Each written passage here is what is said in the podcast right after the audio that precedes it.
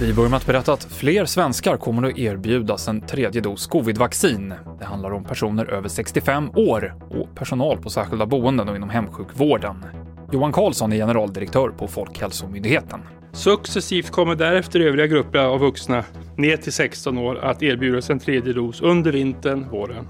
Mer om det här på TV4.se. Polen måste betala böter på en miljon euro om dagen om inte landet stoppar Högsta domstolens disciplinnämnd. Det har EU beslutat.